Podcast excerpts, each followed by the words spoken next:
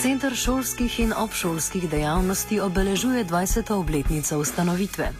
Svoje osnovno poslanstvo, izvajanje dejavnosti povezanih z življenjem šolarjev v naravi, center uresničuje v 23 domovih in 15 dnevnih centrih po Sloveniji. Dnevni centri so namenjeni predvsem izvajanju naravoslovnih, družbenih in tehničkih dni za osnovne in srednje šole. Domovi pa dijakom in osnovnošolcem nudijo možnost preživljanja šole v naravi za več dni. V svojih 20 letih delovanja je Centr šolskih in obšolskih dejavnosti postal pomemben del slovenskega izobraževanja, saj poleg že omenjenega mladim nudi tudi možnost raziskovanja in mednarodnega sodelovanja.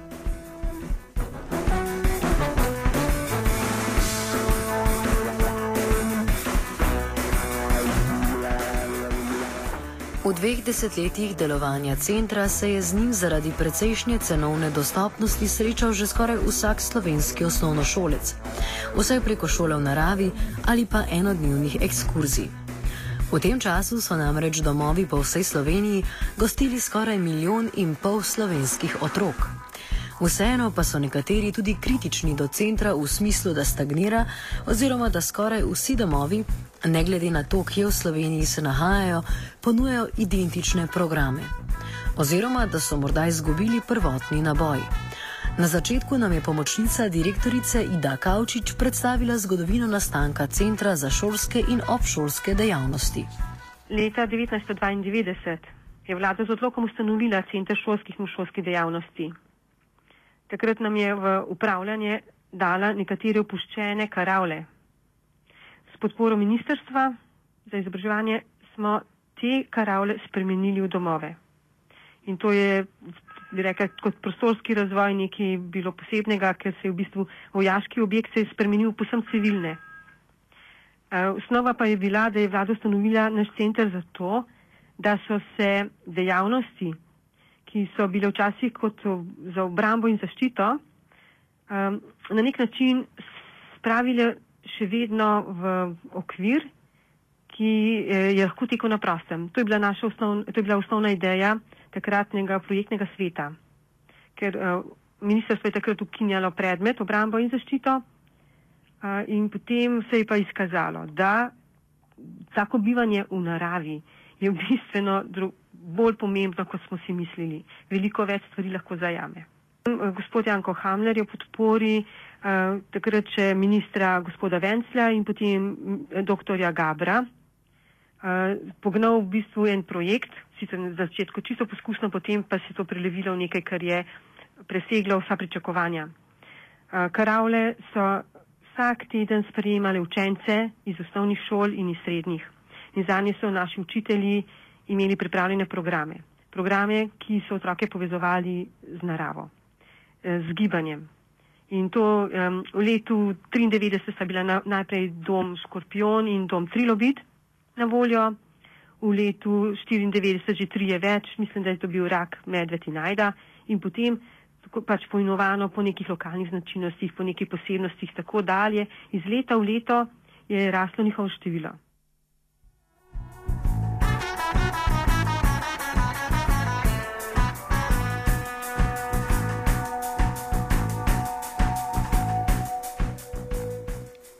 Centr za šolske in obšolske dejavnosti po besedah Ide Kavčič veliko pripomore k izobraževalnemu sistemu. Veste, ker um, naše izkušnje z, z mladimi, ko delamo z njimi, so izjemne. Šole nas vedno bolj uporabljajo za doseganje ciljev iz kurikuluma. Kaj ti izkazalo se je, da je ta pouk na prostem nekaj posebnega, nekaj v sebi vsebuje, kar drugi nimajo, ker drugi pou, um, učenje drugot nima tega kaj ne samo, da pomeni neko utrditev znanja, ker otroci so več ali morajo biti aktivni, razumete, ne sedijo na stolu. Ja.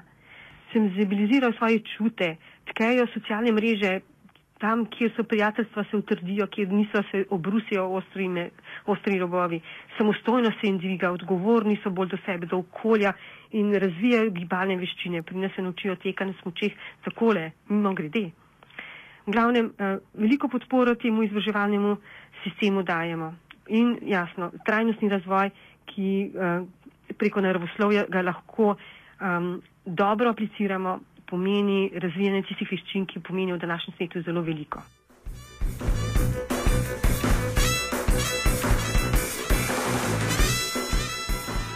Ravnatelj osnovne šole Prule Dušan Merc ima za razliko od Kavčičeve bolj kritično stališče do delovanja Centra za šolske in obšolske dejavnosti. E, sedanje stanje je tako, da smo lahko zadovoljni z nekaterimi domovi, z nekaterimi pa ne. Ampak v resnici se je to zelo poenotilo in vsi domovi uh, ponujajo približno enako to je problem, zato mi eh, se naša šola vedno bolj izogiba temu, ker so programi zelo identični. Ne.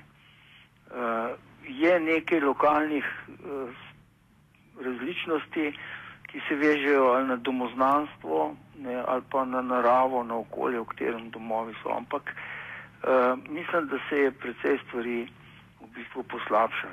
Tako da bi, mor, bi morali imeti ti domovi tudi neko ostrejšo reformo, bi morali doživeti.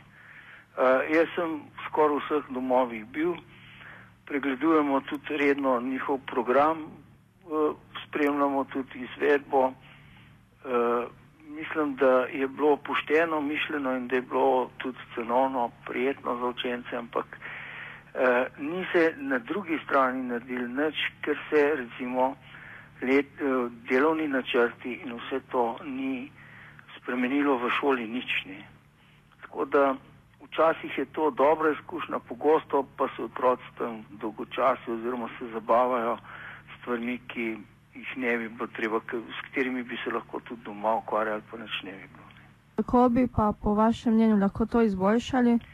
Zelo težko, zaradi tega, ker je že vzpostavitev takega sistema je zelo uh, naporna, težka. Uh, zdaj učitelji, ki so tam, so del šolskega sistema, ampak mislim, da na nekaterih, uh, domov, v nekaterih domovih je glavni problem so vodstva, potem so problemi verjetno posledično tudi pri zaposlenih.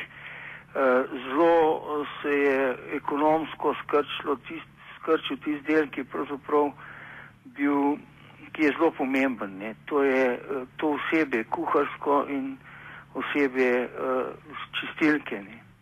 Tako da mislim, da bi pač to, ni, to je moja ocena z tega ravnateljskega stališča, ko to od zunaj gledam. Ne. Ampak drugače bi moral pa uh, interes za temeljito analizo uh, učinkov programov uh, in dogajanja v teh domovih bi, moral, pa, bi moralo narediti pa ministrstvo samo. Ne. Mi hmm. smo zdaj že sprijeli sklep, da gremo samo z dvema razredoma, z dvema letnikoma, cele devetletke v te domove.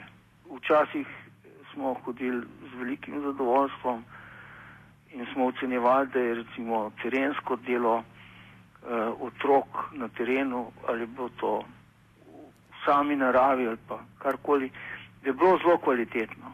Uh, nekateri domovi so bili tudi izjemno dobro, veliko motivacijsko organizirani, nekateri pa ne. ne.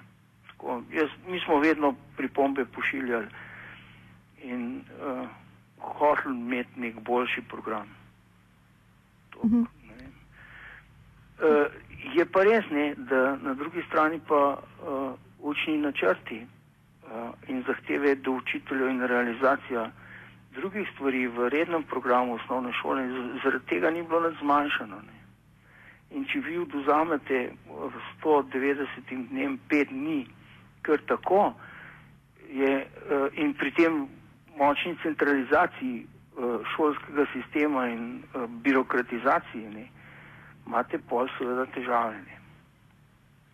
Je pa eh, motivacija za otrok za to in tudi to, da grejo otroci doma in da so, da so v neki skupini in da se morajo podrejati redu in da eh, živijo pravzaprav malo internatsko življenje, to je pa tisti boljši del, eh, da, da začnejo vsaj ti mestni otroci malo skrbeti za svojo obleko, za, za red v sobi in tako naprej. Ne. To je pa boljši del, ki se mu pa hočejo starši izogniti. Starši otrokom dajo za cel teden seboj dovolj sladkarij, da ja ne bi bilo kaj narobe, ne, dovolj, bi rekel, gaziranih pijač, v neprestani skrbi so v telefonski zvezi. In tako ta del je pa uh, žal, ki bi lahko bil internatsko in bi rekel nekoliko bolj ostro organiziran, ne, ga hočejo pa vsi zmehčati do neskončnosti. Tako da uh, žal se dogaja to, da pač po mojem oceni sistem ne funkcionira dosti dobro. Kakšna je pa razlika med obveznimi in prostovoljnimi obšolskimi dejavnostmi? Je, zdaj obvezne te uh, obšolske dejavnosti, jaz že neka, uh, jaz moram tako povedati, mi imamo najbolj obsežen predmetnik osnovne šole, verjetno na svetu, v Evropi pa ne dvomno. Ne naši otroci imajo toliko predmetov, veste, da uh, je seveda uh, njihova, uh, njihov spoznavni svet razdrobljen na neskončno število neumnosti. Ne.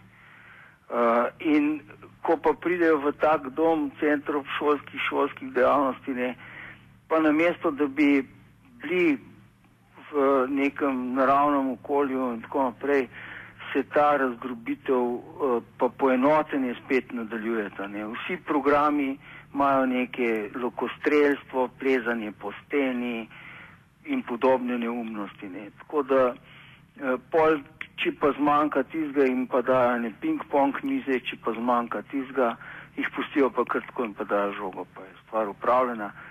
Uh, in celoten predmetnik osnovne šole je tako natrpan, da, da pač se še tam to ponovilo po pojene.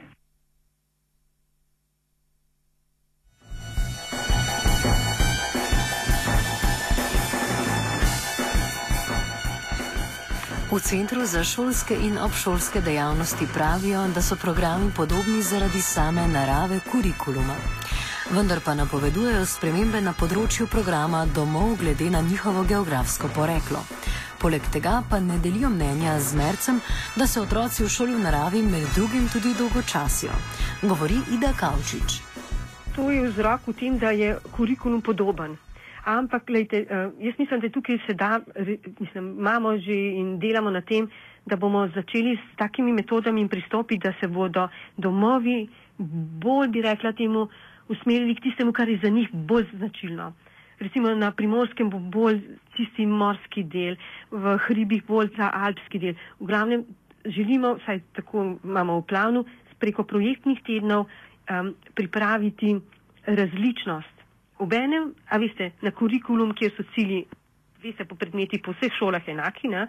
Ampak na zunaj bi pa lahko tako in to bomo delali preko teh projektnih tedov. Tako načrtujemo recimo vzorčno kmetijo, načrtujemo uh, podarek nekje na gozdu, nekje na kulturni dediščini, nekje recimo gost uh, v robu Trnovske, um, pardon, ja, gost na Trnovski planoti, čebelarjenje. V glavnem, razumete, take referenčne dejavnosti in to je zdaj tisto, kaj bo razbilo monotonijo. Tako da lahko poveste, Eh, gospodu ravnatelju, da pričakuje lahko v nekaj letih spet nekaj novega, nekaj nenavadnega, nekaj takega, kar bo za šole, uh, bi rekel, še bolje. Se pravi, boste delali na tem, da otroci ne bodo, da se bodo bolj vključili v naravo in da bo malo manj teh, um, pro, malo manj prostega časa? Um, nekdo, ne vem kdo, misli, da imajo otroci zelo veliko prostega časa. V resnici, če dobro premislite, ob devetih začenjamo s temi aktivnostmi zjutraj, potem, ko pač upravijo svoje, bi rekel, življenjske občajne dejavnosti, tja do ene ure je delo na terenu so. In vam povem, da marsikdo še v šoli bi rekel, ja pa se to ni pravo vreme, vendar pri nas je vreme vsakič vreme.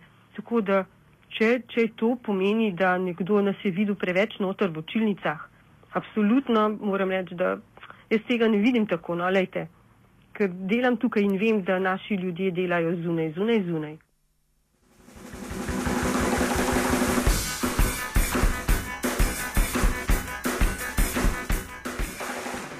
Podpredsednik Združenja ravnateljev in ravnateljic osnovnih šol in glasbenih šol Dušan Zagorc ne deli povsem mnenja z Mercem in misli, da Centr za šolske in obšolske dejavnosti tudi danes dobro izvršuje svoje poslanstvo. Centr šolskih dejavnosti je zelo dosti dal. Jaz sem takrat tretje leto ravnatelj velike osnovne šole v Gorni Radgoni in eh, ko sem zvedel, da gre tale nov paket, eh, nove, nove možnosti za, eh, sveda, za vse šole v naravi, eh, iskrat sem seveda takoj štartal in eh, že 20 let s Centrom šolske, šolske dejavnosti dobro sodelujemo. Mi navadno gremo trikrat te centre šolske, šolske dejavnosti in matične šole, zdaj ko imamo pa še šolo s pregojenim programom pod sebo, pa še četrto šolo organiziramo. Tako da če dobimo plavanje, kar manjkrat dobimo, smučanje in pa potem preživetje v naravi. Predvsem preživetje v naravi so fantastična in to je največja pridobitev. Kakšen strošek pa je to za starše in koliko država subvencionira te stvari? Ja, država subvencionira eno šolo v naravi, mislim, da je letos eh, 67 evrov, zdaj na pamet govorim, ker nimam podatkov pred sabo, eh, tako da je to zelo nizko, sicer je pa že ta zadeva zelo subvencionirana. Če nismo dobili, naprimer, smučarske šole v centru šolske, šolske dejavnosti, je starše dvakrat eh, dražje prišlo. Eh, seveda nas, ki smo zgodne razgone, pa seveda prevoz je pa ta oblika, ko jo moramo pač pokriti, če gremo na morje v dom Burja, ki je čudit, eh, je pač toliko kilometrov. E, tako da tu smo zelo zadovoljni in če bi dve šoli subvencionirala e, država, bi bili še bolj zadovoljni. Starši pa so zelo zadovoljni. Torej, v prihodnje vidite, da se bo ta dejavnost samo še nadaljne razvijala kljub eh, težki situaciji, oziroma vsi nam tako pravijo, da je treba vrčevati, še posebej pa na dotičnem ministrstvu. Ja, če bomo vse posod vrčevali na ta način, da bomo nove eh, vse pridobitve rezali ali pa tudi delali na recesiji kvalitete, potem eh, smo zavozili državo že ta trenutek. Tako da to je treba še razvijati, tudi še kakšen dom narediti. Tudi v Gorni Radguni smo štartali pred desetimi leti žal pa je takrat bil paket izgraden centrov eh, končan, ker tudi mi smo imeli dobro ponudbo. Tako da v našem koncu eh, ni centr šolske, šolske dejavnosti, pa koristimo vse od eh, Kolpe do Gorenske.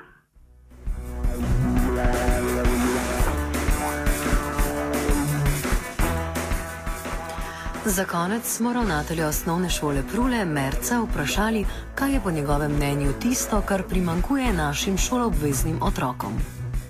Šoloobveznim otrokom našim eh, primankuje to, da imajo vsega preveč, če sem nekoliko, eh, rekel, paradoksalno izrazen. Naši otroci imajo vsega preveč.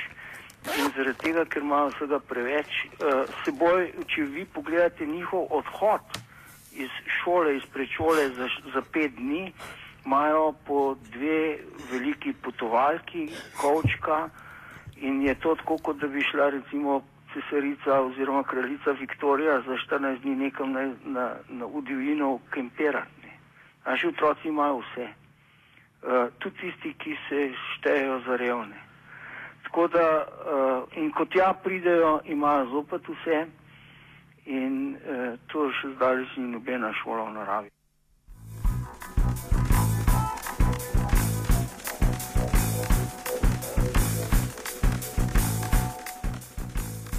Kultivator ob 20-letnici Centra za šolske in obšolske dejavnosti sta pripravila Aleksandra in Urh.